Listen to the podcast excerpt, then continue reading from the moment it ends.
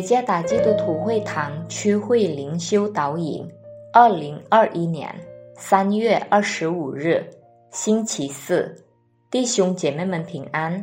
今天的灵修导引，我们借着圣经马太福音十五章二十一到二十八节来思想今天的主题：信心克服障碍。作者于日新牧师。马太福音十五章二十一到二十八节，二十一节，耶稣离开那里，推到推罗西顿的境内去。有一个迦南妇女从那地方出来，喊着说：“主啊，大卫的子孙，可怜我，我女儿被鬼附，得甚苦。”耶稣却一言不答。门徒进前来求他说。这妇人在我们后头喊叫，请打发她走吧。耶稣说：“我奉差遣，不过是到以色列家迷失的羊那里去。”那妇人来拜他说：“主啊，帮助我。”他回答说：“不好拿儿女的饼丢给狗吃。”妇人说：“主啊，不错。”但是狗也吃它主人桌子上掉下来的碎渣儿。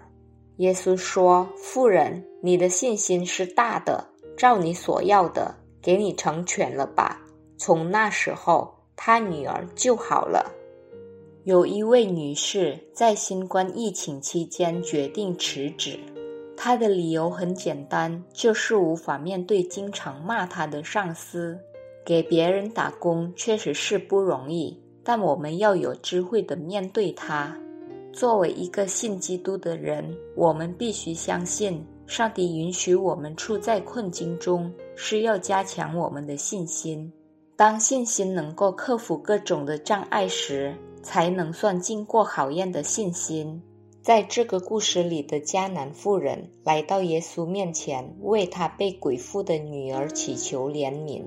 当耶稣用苛刻的言辞拒绝他时，这位迦南妇人并没有生气，她反而一直跪拜耶稣，祈求怜悯。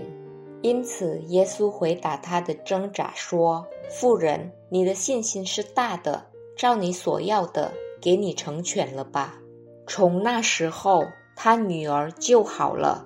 这位迦南妇人有理由后退与失望。她是个女子，根据父权文化，她是二等公民。毕竟她也是来自外族的人。但她先把自己的情况放在一边，并专注于上帝在耶稣里能够解决她问题的能力。这是不依靠自己，但依靠耶稣奇妙能力的信心。上帝恩典的奇迹应该能让我们振作起来。上帝留福给那些以真诚的心表达信心的人。死路不能阻止我们来完全的交托信靠主耶稣。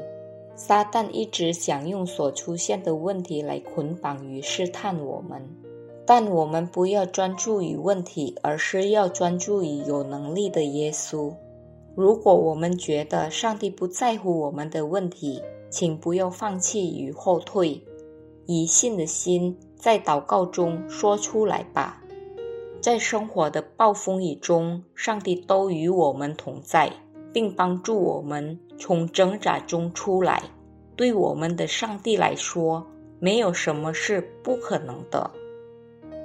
障碍不是撤退的借口，而是考验你对上帝的信心与忠诚的机会。上帝赐福。